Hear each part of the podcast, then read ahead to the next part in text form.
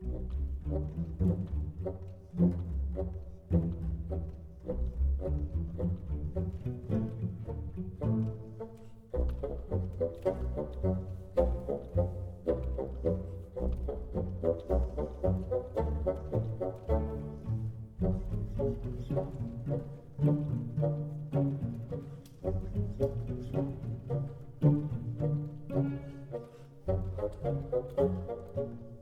Velkommen til Huldrapodden, en podkast fra Immaterialrettstrollet.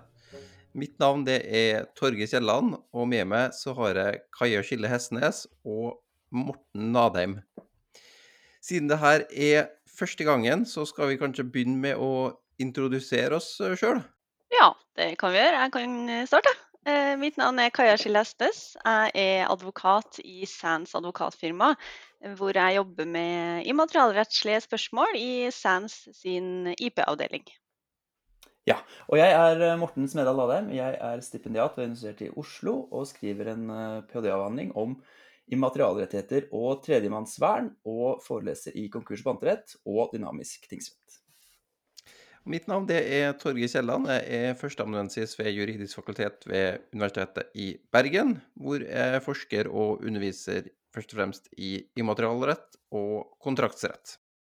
Immaterialrettsrolle det er altså en blogg om immaterialrett, dvs. Si opphavsrett, patentrett, varemerkerett og lignende rettsområder, som er tilgjengelig på iptrollet.no og her har vi siden 2014 omtalt aktuelle immaterialrettssaker. Vi er også tilgjengelig på Facebook og LinkedIn.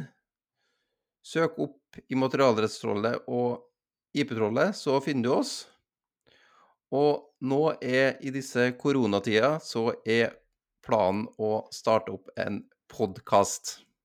Ja, det er det. Og hvem skal vi lage podkast for? Eh, naturligvis for våre lesere på bloggen, eh, men vi håper jo også å kunne nå ut til dem som ikke nødvendigvis har immaterialretten helt under huden. Kanskje til studenter eller andre som skulle være interessert i å lære mer på, på dette området. Og i denne episoden så kan vi jo kanskje til og med engasjere noen eh, Manchester United-fans. Eh, målet er i alle fall at vi skal forsøke å holde dere oppdatert på nytt innenfor immaterialrettsfeltet. Um, og i den anledning, Morten, any news? Ja, det har vi. Vi har den såkalte Apple-avgjørelsen fra Høyesterett. Eh, det Høyesterett vurderte her, var om import av mobilskjermer påført et varemerke som er tildekt med tusj, var varemerkebruk etter varemerkeloven paragraf 4. Eh, og Høyesterett eh, slo fast at ja, det er det. Og i vurderingen av om varemerkets funksjoner kunne bli skadd ved importen og eventuelt videresalg, viser Høyre til at de som fikk skjermene i hende, kunne fjerne tusjen, og at logoen da vil bli synlig, samt at skjermene i det ytre var identiske med Apples originale skjermer, og at tusjen var påført på, stedet, på det samme stedet som Apples varemerker er plassert på de originale skjermene. Eh, importøren kjørte eh, bærekraftkortet og anførte at Apple hadde et eh, sterkt markedsposisjon, og at det å kunne reparere skjermer det var viktig fra et bærekraftsperspektiv. Høyesterett mente at dette perspektivet hadde falt litt på siden av saken, eller helt på siden av saken, og at det ikke var skjermene som var problemet, men bruken av varemerket på skjermene. Og Videre viste det til at varemerkeloven ja, det stenger jo ikke for import eller reparasjon av mobilskjermer, så lenge de importerte skjermene ikke er utstyrt med et ulovlig varemerke. Så eh, det var høyesterettsavgjørelsen. Eh, så har vi en veldig morsom tingrettsdom fra Oslo tingrett fra 10. mai, hvis ikke jeg husker helt feil. Og det merket som var søkt registrert her, det var det kombinerte merket Conoco Philips. Og spørsmålet i saken var om varemerket Conoco Philips, som i oljeselskapet, kunne registreres, eller om merket var forvekselbart med det eldre merket Philips. Og det som skulle vurderes, det er om en ikke ubetydelig del av omsetningskretsen for de aktuelle varene kunne komme til å tro at det foreligger en kommersiell forbindelse mellom de to kjennetegnene. Eh, og både Patentstyret, klagenemnda og tingretten kom til at det forelå tilstrekkelig vare- og tjenesteslagslikhet og merkelikhet til at det i utgangspunktet forelå forvekslingsfare. Eh, men oljeselskapet ConocoPhillips det er et stort, sterkt og godt kjent oljeselskap, og tingretten skrev at det er lite sannsynlig at noen som arbeider i oljebransjen i Norge, ikke kjenner til selskapet og navnet, og at risikoen for forvekslingsfare må antas å være betraktelig redusert hvis det yngre merkets berømmelse er relevant. Så da blir spørsmålet om det yngre merkets berømmelse er relevant i vurderingen av forvekslingsfare. Og det skulle man jo kanskje tro. For det man skal vurdere, det er om det foreligger risiko for forveksling, og dersom det foreligger forhold som tilsier at det ikke er forvekslingsfare, ja, så burde vel dette kunne tas med i vurderingen.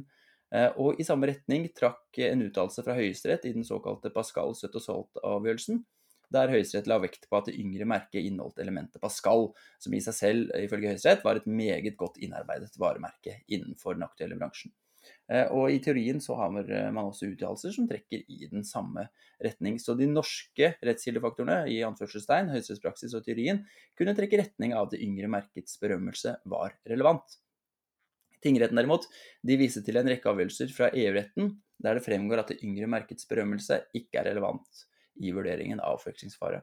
Og om motstriden mellom de to norske kildene og EU-retten skrev tingretten at de to norske rettskildefaktorene ikke kan innebære at norsk rett har et annet innhold enn det som følger av rettspraksis fra EU.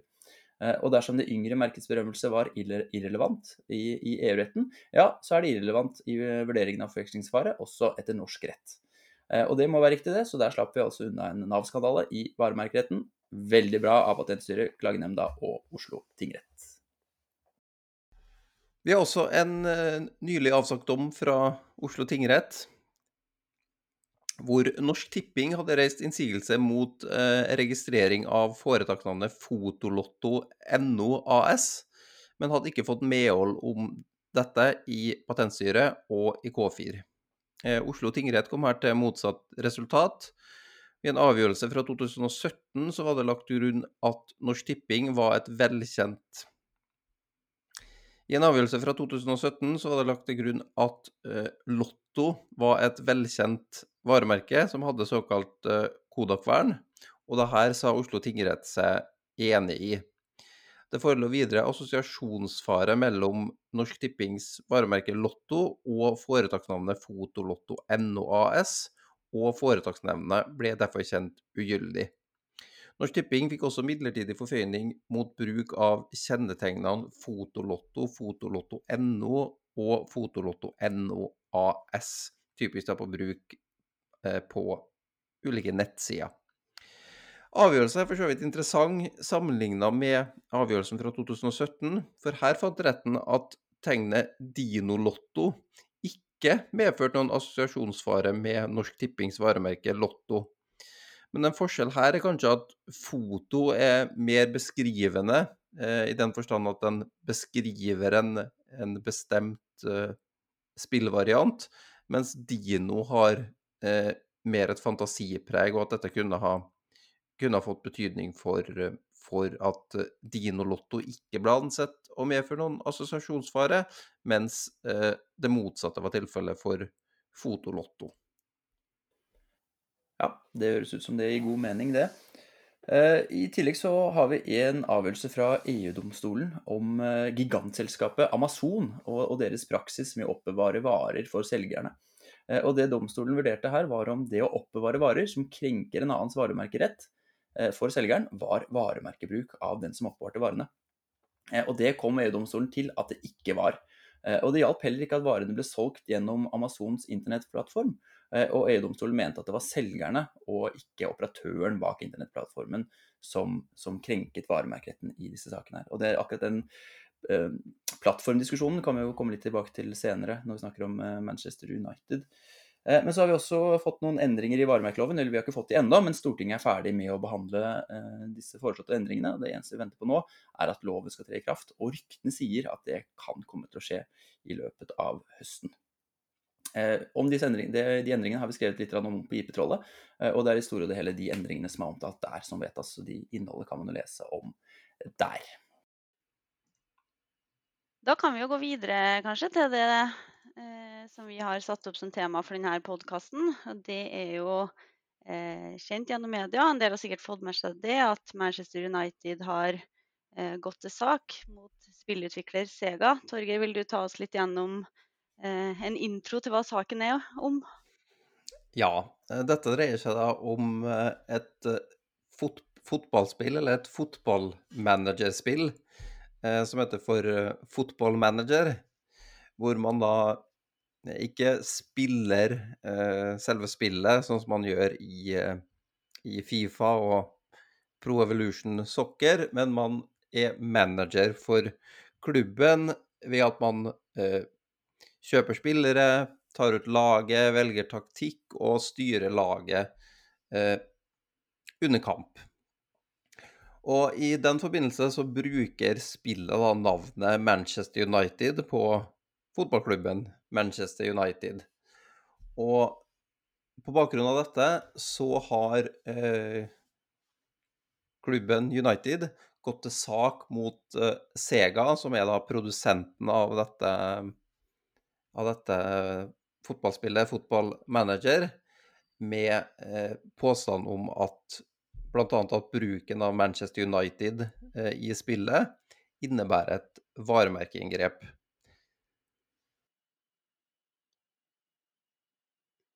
Ja, og før vi hopper inn i saken, så kan vi jo kanskje si litt om varemerkerett Og i og med at vi har tenkt at den podkasten skal, skal strekke seg litt utover dem som har varemerkeretten godt inn under huden.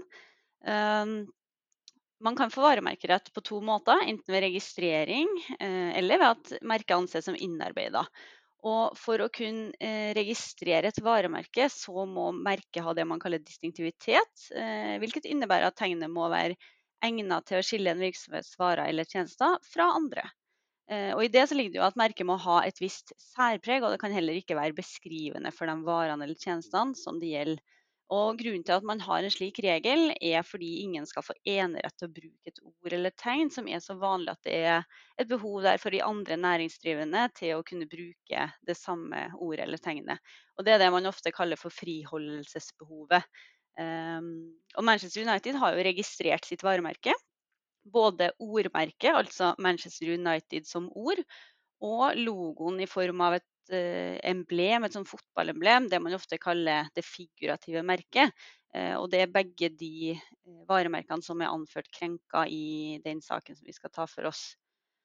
Um, og ja, hva innebærer det egentlig å ha varemerkerett? Det er også avgjørende. Og det gir jo deg som innehaver av retten en enerett. Og det omfatter litt enkelt sagt at du er den eneste som i næringsvirksomhet kan bruke merket for de varer og tjenester som det er registrert for, og for lignende slag. Eh, og akkurat det med næringsvirksomhet og bruk for varer og tjenester er jo litt interessant i den saken som vi, som vi skal diskutere nå. Eh, og det kommer vi også tilbake til. men Eh, for at det skal være i næringsvirksomhet, så må bruken ha skjedd i forbindelse med en ervervsmessig virksomhet, sier man, hvor målet da har vært økonomisk vinning. Så det avgrenses jo mot private forhold. Eh, det innebærer jo at eh, du kan tegne Manchester United-logoen på din røde T-skjorte og bruke den så mye du vil, egentlig, uten at det vil komme noen etter deg for det. Og videre så må det være en bruk for eh, varer og tjenester. Det må brukes som et kjennetegn for varer og tjenester. Og i det så ligger det at den, den, angivelig krenkende part, den tredje parten, må gjøre bruk av merket i forbindelse med sin egen kommersielle kommunikasjon, sier man.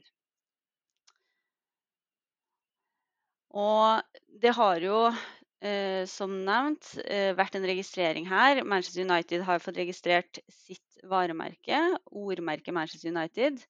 Eh, Torgeir, du er jo Liverpool-fan. Kjenner du til noen andre fotballklubber som har forsøkt på det samme? Ja, Liverpool fotballklubb prøvde jo eh, i fjor å registrere Liverpool eh, som varemerke. Eh, formålet med det var nok primært å, å forhindre eh, tredjeparter å selge, selge supporterutstyr med navnet eh, Liverpool. Men eh, det var en registrering som de, eh, som de ikke fikk. De fikk ikke registrert Liverpool fordi at det også var navnet på, navnet på byen Liverpool. Og det forelå da et friholdelsesbehov hvor andre, typisk andre mindre fotballag, hadde en interesse av å bruke dette navnet. Mens Manchester United, da, med, med United, eh, har jo da åpenbart særpreg for, for klubben eh, Manchester United. Eh, og det er jo en registrering de har hatt ganske, ganske lenge. Mm. Det vil jo være et frigjørelsesbehov også for Manchester, som du er inne på. Det er jo andre klubber som også er til Manchester. Eh, Manchester City, man kunne jo tenkt at eh, Eller man kan vel ikke stenge dem ut fra å ha sitt varemerke for, for sitt eh, fotballag. Nei, og Sånn sett vil jo ikke Manchester United og Manchester City vil jo kunne registreres eh, ved siden av hverandre, men ingen av de klubbene ville kunne f.eks. registrert Manchester, som gjør navnet på på selve byen, for der vil det foreligge et, et, eh, et behov for andre også å bruke navnet på byen. Men mm. det stiller seg annerledes når man har på eh, har med United eller City eller noe annet. Ja. Så Liverpool fotballklubb vil man eh, f.eks. kunne registrert, fordi at det er jo uh, direkte kobla til, til, klubben, og man har ikke det samme friholdelsesbehovet som man har til navnet på, på byen Liverpool. Mm. Og i tvisten her så eh, har det jo oppstått spørsmål om den navnebruken. Og tvisten har oppstått fordi eh, Sega, da, eller fotballmanager, ikke har lisens fra Manchester United til å benytte Manchester United sine varemerker i fotballmanagerspillet. Eh, og da mener jo Manchester United at bruken av ordmerket Manchester United og bruk av en sånn forenkla logo eller et forenkla emblem eh, er et brudd på Manchester United sine varemerkeretter. Ehm, og det er jo anført at den krenkelsen av ordmerket er både fordi det er brukt på en konvensjonell måte, og at navnet blir brukt mye gjennom hele spillet. Eh, og eh, jeg har jo ikke spilt så veldig mye fotballmanager, må jeg jo erkjenne. Eh, men jeg har forstått det slik at eh, enkelte fotballspill bruker alternative navn på fotballklubber. Torgeir, hvorfor er det slik? Eh, man har ansett at dette er Eller man har ansett at uh, det er rettigheter knytta til uh, disse navnene. Man har f.eks. disse to fotballspillene uh, Fifa, som sikkert mange er kjent med, og Pro Evolution Soccer, PES, eh, hvor Fifa i eh, alle år har hatt eh, en god del lisenser til, til fotball. Navn på fotballklubber, navn på spillere. Mens hvor da Pro Evolution Soccer, som ikke har hatt de tilsvarende lisensene, har brukt alternative navn på klubbene. De har f.eks. kalt Manchester United for Man Red, Manchester City har vært Man Blue, Chelsea har vært London Blue, eh, Juventus har vært eh, Piemonte Calcio. Rett og slett sannsynligvis fordi at de enten vet at de ikke har rettigheter til disse navnene, eller fordi at de ikke har ønsket å, å komme i konflikt med, med, klubbene hvis de har tatt i bruk de rette navnene på, på klubbene. Mm, og Sega forsvarer seg jo i saken her med at eh, sånn bruk ikke vil utgjøre varemerkebruk, og derfor ikke er en krenkelse av varemerkerettighetene. De mener at de kun bruker det navnet for å eh, referere til klubben, eh, og at det også egentlig gjelder for den forenkla logoen eller emblemet. Um, men det her bør det vel også nevnes at fotballmanager har jo inngått en del lisensavtaler så vidt jeg har forstått, med noen av de lagene som er i Premier League. Og når de har fått en slik avtale på plass, så eh, viser dem, så vidt vi har forstått, den fullstendige logoen eller emblemet og navnet. Mens når de ikke har en slik avtale, så, så dropper de emblemet, men de bruker likevel navnet. Så det synes jo eh, å være at de er av den oppfatning av at den navnebruken uansett er, er OK, da. Nå vil det jo være sånn at man kan bruke et, et varemerke for å, for å omtale klubben, f.eks. I, i nyhetsomtale, så er det helt åpenbart at man kan kalle Manchester United for Manchester United. Eh, og slipper å kalle dem for, for Man Red. Men eh, dette stiller seg vel noe annerledes når man eh, bruker navnet på klubben eh, i et eh, fotballspill. Ja, for sånn som jeg har forstått Sega sin anførsler her, så er det virkelig som om de mener at ja, det, vi, vi, må jo kalle tingen ved dens rette navn, og som om det var en eh, nyhetsartikkel hvor man bruker Manchester United. Men noe av det som gir, eh, gir dette spillet kommersiell verdi, og som i hvert fall gjør at, at, de som jobber i bransjen, fotballbransjen, syns det er interessant å spille, er jo nettopp den autentisiteten og at det er ekte spillere, og at de har satt seg inn i hvor gode de ekte spillerne er, og, og at du får opplevelsen av at du er manager for, for ditt favorittlag. Eh, og, og, da spørs det om det ikke er noe mer enn en, det ville vært dersom du skrev en avisartikkel om Manchester United, som man helt klart kan gjøre. Altså de, de vinner jo, de tjener jo penger på, på assosiasjonen til Manchester United og den autentisiteten som, som, det å kunne bruke klubben og spillerne og, og stadion eh, gir, tenker jeg. Det er vanskelig, vanskelig, å være uenig i det. Ja. Ja, det er jo det Manchester United også sier i sin argumentasjon, slik jeg har forstått det. At det, bruken av emblem og navnet må likestilles, at begge deler er på en måte bruk for varer og tjenester. Da, eller 'in relation to the goods', goods som er den, engelske, det engelske begrepet. Um, de kan jo da ikke se hvorfor det må eh, Eller hvorfor på en måte fotballmanager skiller da, i behov for lisens for bruk av henholdsvis navn og emblem. Og etter min vurdering så har jo på en måte den argumentasjonen noe for seg. Da. Det er jo uklart hvorfor man har en praksis med innhent lisens fra enkelte klubber for bruk av varemerkene, men ikke for andre. Eh, og Manchester United er vel av den oppfatning at en slik praksis vil si at hele lisensindustrien egentlig er fundert på en mistanke, da, fordi det ikke er noe behov for å ta lisens for å bruke et navn, fordi det er kun et navn på en fotballklubb. Det er kun for å referere til klubben, eh, litt som du er inne på, Morten, og sammenligne det med en nyhetsartikkel. Eh, og det kan man til en viss grad være enig i, for det, jo, det har jo alt å si hvordan navnet faktisk brukes. Mm. Så sånn rent Hvis dette spillet hadde kommet på markedet i dag, så, så tenker jeg vel at dette er, dette er varemerkebruk, og i så måte varemerkeinngrep eh, også. Eh, den andre anførselen i saken er jo at logoen til Manchester United også er krenka, fordi den er erstatta med et annet emblem, eh, som likevel, ifølge Manchester United, gir assosiasjon til, til deres logo.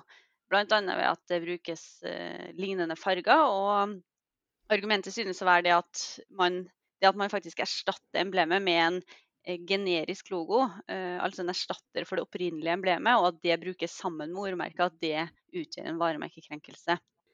Mm. Eh, og den typen argumentasjon er jo ganske sammenlignbar med det man finner i EU-domstolssaken, Mitsubishi-saken. Og her til lands så har man jo den nylig avsagte Apple-saken, som Morten du snakka om, mm. og også en Encilox-sak fra 2018, eh, er det vel.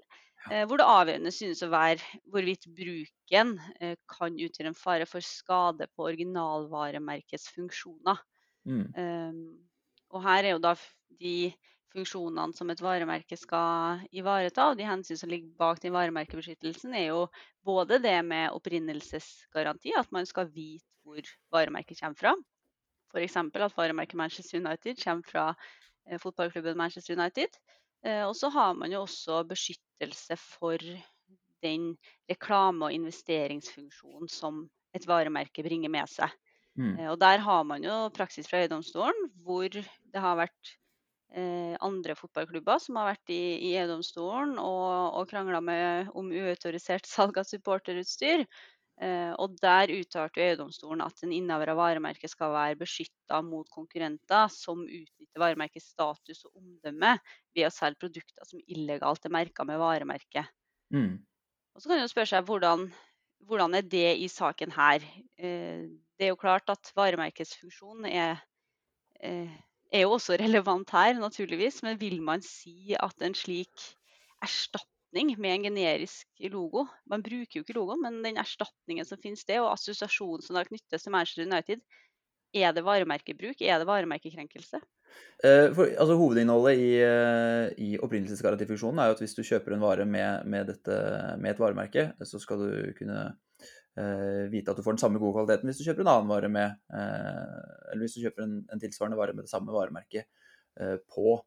Eh, men her så er det jo, her er det jo ikke et, et eh, varemerke. Og så kan man spørre seg om, om eh, siden de bruker en annen logo, så kan man spørre seg om Eh, det at eh, de ikke bruker logoen, eh, men en annen logo i seg selv er varemerkebruk. Men, men, man må nok se det som en helhet her. De, de, skriver Manchester United, og så har de en annen logo ved siden av Manchester United. Og hvis ikke du Hvis du bare har spilt FN, FM Football Manager og ikke har veldig god innsikt i fotball ellers, så vil man jo naturlig nok tro at ja, logoen til Manchester United, det er denne ballen her, det, eller denne logoen som, som man ser på FN Manager.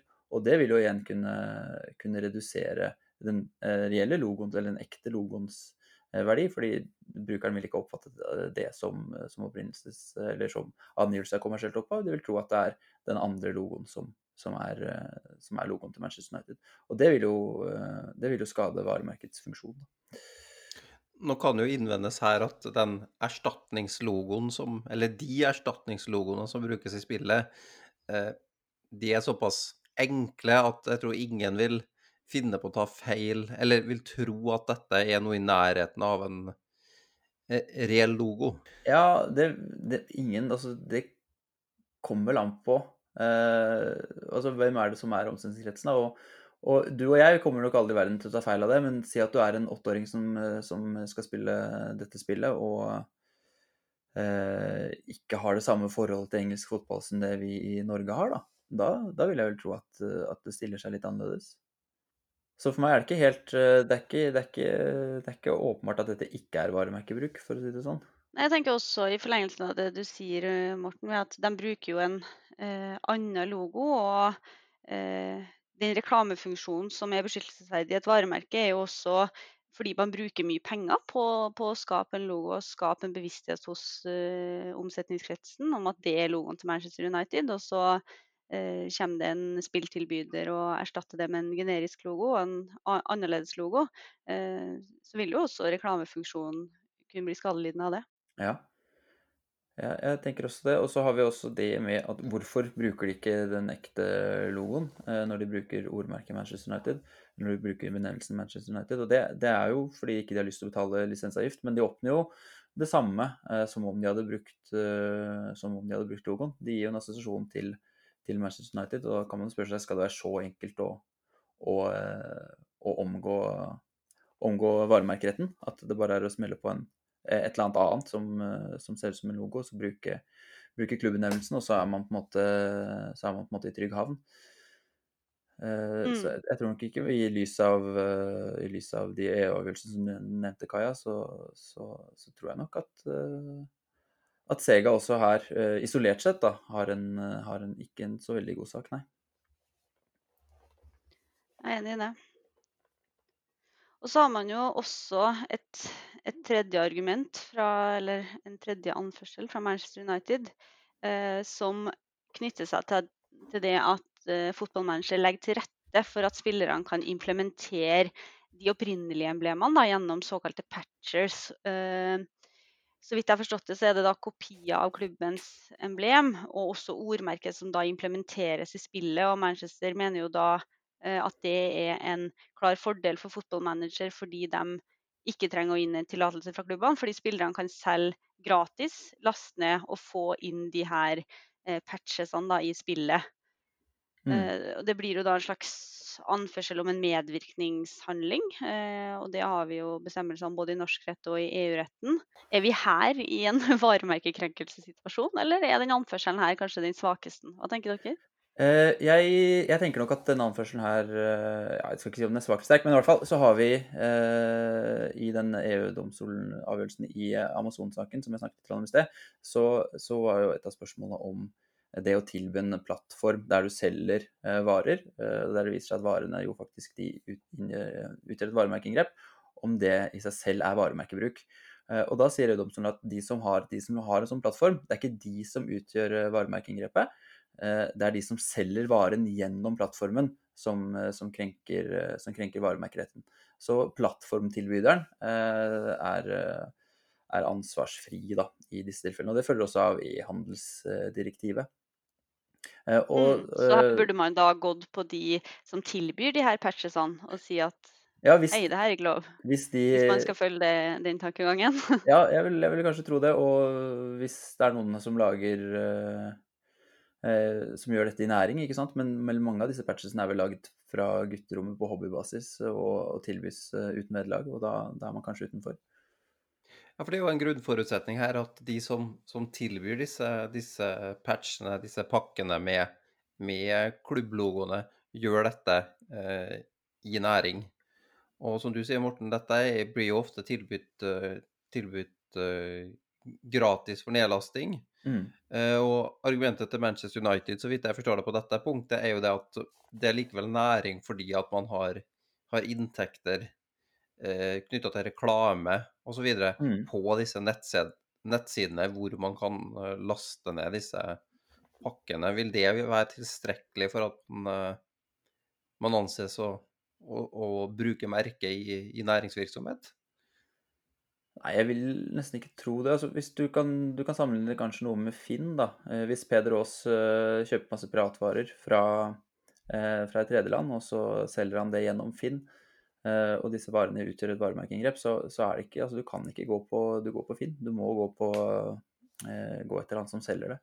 Og jeg tror nok det samme, samme er her. Også. Der har vi også en del EU-rettsavgjørelser, og der blir det jo spørsmål om det brukes Hvem er det som bruker det for varer og tjenester? Og da er det ikke plattformtilbyderen eller FM eller eh, søkemotorfirmaet. Men, men, det har jo en yttergrense her også. Og hvis, eh, hvis, plattformen er veldig tilrettelagt for nettopp eh, for, eh, for slik, slike inngrep og slike krenkelser, og, og plattformtilbyderen aktivt spiller en aktiv rolle i, eh, i det å gjennomføre selve varemerkeinngrepet, da, så, så, er vi nok eh, Da har vi jo eh, høyre- og venstrebegrensning her også. Så plattformtilbyderen kan ikke gjøre nær sagt hva han vil, men, men, bare det å lage en plattform som andre kan, eh, kan gjøre noe på, det er, det, er, ikke i seg selv varemerkebruk.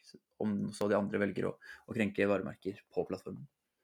For Det er jo et poeng her at spillet fotballmanager har jo gjort det ganske enkelt for spillere å laste ned denne type pakker. Det er jo de erstatningslogoene er jo egentlig bare lagra som bilder, og så kan man laste ned, laste ned en pakke hvor, hvor bildene med de ekte logoene har tilsvarende navn, og så kan man bare kopiere de inn i, i uh, riktig katalog der spillet ligger installert, og så gjenkjenner uh, spillet da de nye filnavnene som de riktige, og tar i bruk de i spillet, så man da får riktige logoer i, i spillet når man spiller.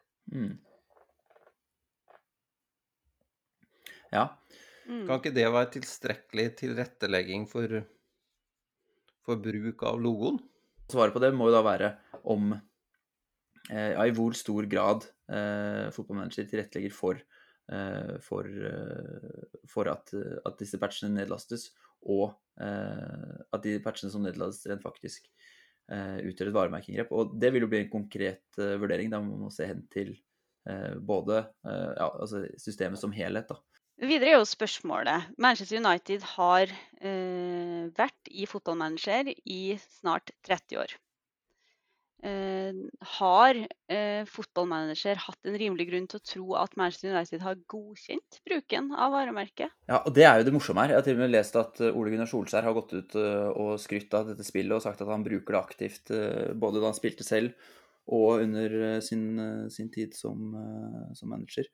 Og eh, det, det, er klart altså I norsk varemerkelov så har vi varemerkeloven paragraf 8 som sier at som gir passivitetsvirkninger, da, og at eh, retten til et registrert varemerke ja, det skal kunne bestå ved siden av en eldre kjennetegnsrett dersom innehaveren av den eldre retten har kjent til og avfunnet seg med at det yngre varemerket etter registreringsdagen har blitt brukt her i riket. Eh, men det, det, gjelder jo registrering, så, eh, så den, den, faller jo litt på siden. Men etter norsk rett i hvert fall, så blir spørsmålet om, om fotballmanager eller Sega da, i dette tilfellet har hatt grunn til å tro at Manchester United har på en måte akseptert deres bruk, eller samtykke til, til bruken, gjennom å ikke ha gjort gjeldende varemerkeinngrep eh, over en så lang periode.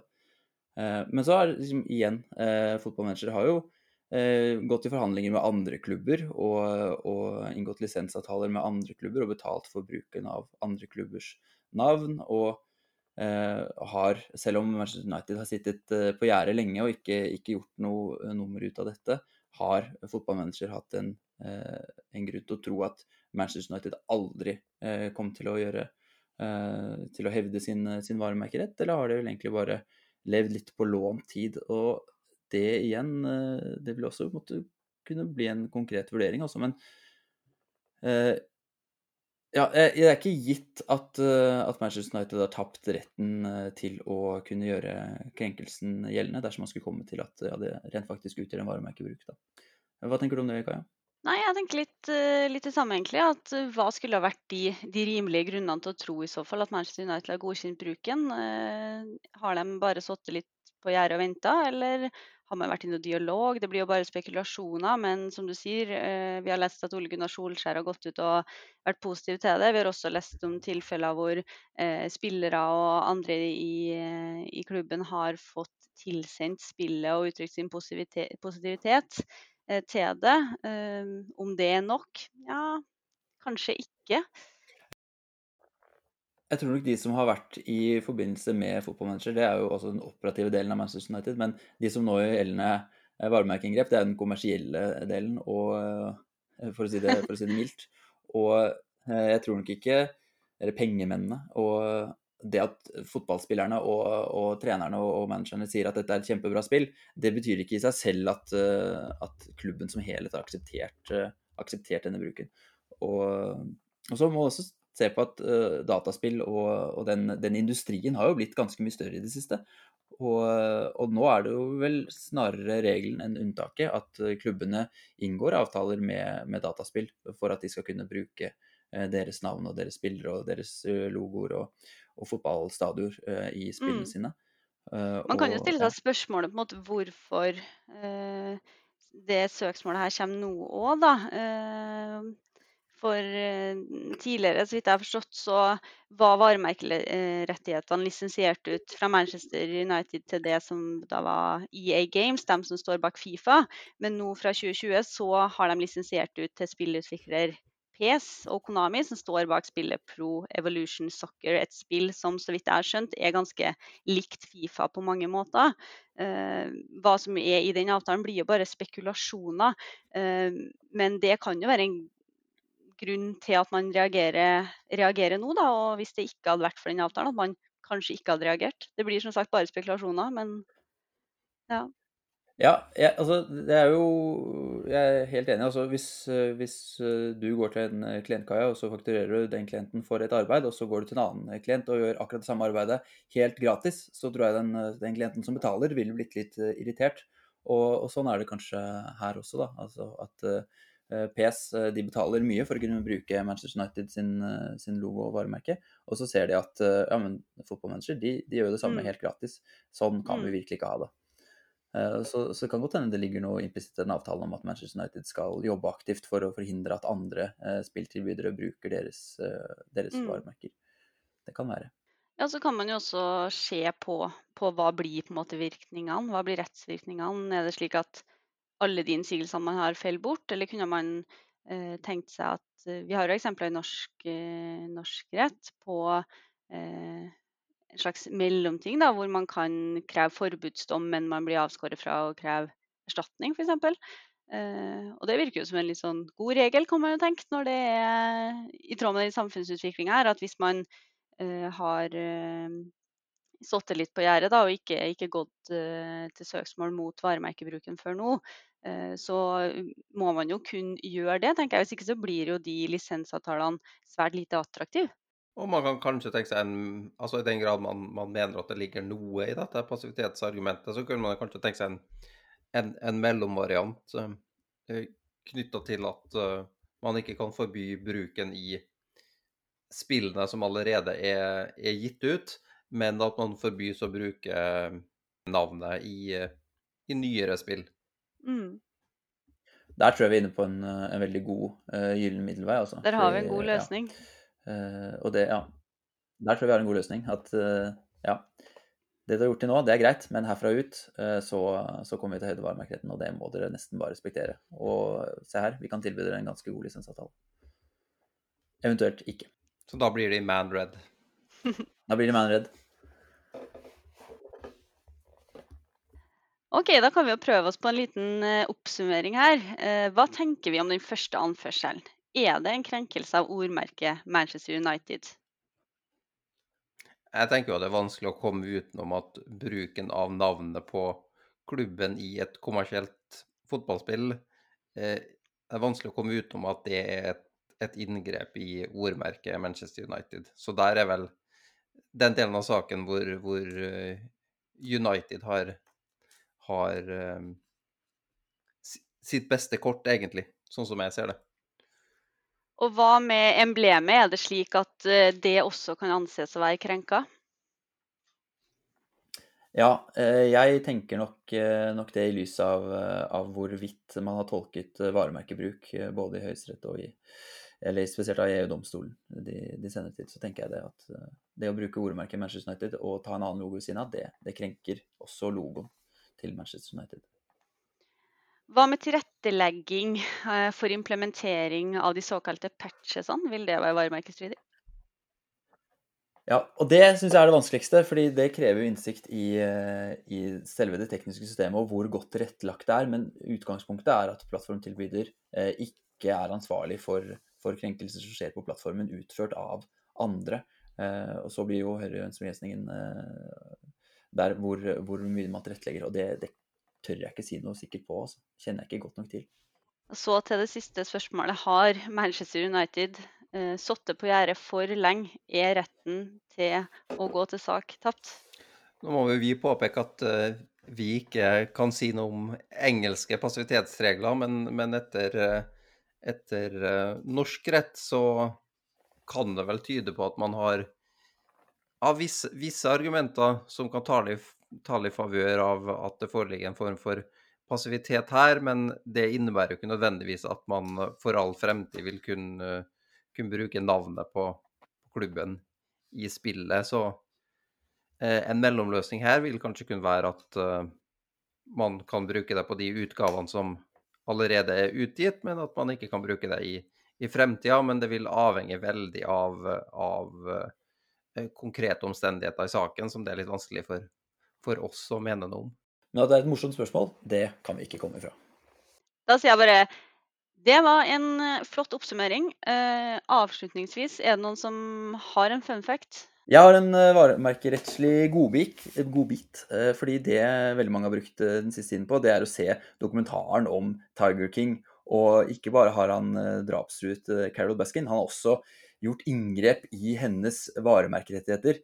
Og det eh, reagerte hun på, og saksøkte eh, Tiger King da, for, eh, for varemerkeinngrep, og vant frem i det som eh, til slutt ble et millionsøksmål. Eh, og enden på den visen der, det ser ut som at eh, dette, dette, kravet etter, etter, inngrepet har blitt tvangsforbildet, og resulterte i at det nå er Carol Baskin som eier den tigerfarmen til den nå fengslete og abdiserte, kanskje, Eh, Tiger King. Og det tror jeg ikke det er så veldig mange som tenker på eh, når man utgjør varemerkeinngrep. Du kan faktisk risikere å miste tigerformen din hvis du gjør det. Du har nå hørt på første episode av Huldrapodden, en podkast fra Immaterialrettstrollet. Hvis du liker det du har hørt, abonner på oss der du hører på podkast, og gi oss gjerne en anmeldelse. Vi mottar også gjerne tips om tema vi kan ta opp i podkasten. Du når oss ved å sende oss en melding på Facebook, eller ved å sende en e-post til iptrollet alfakrøllgmail.com.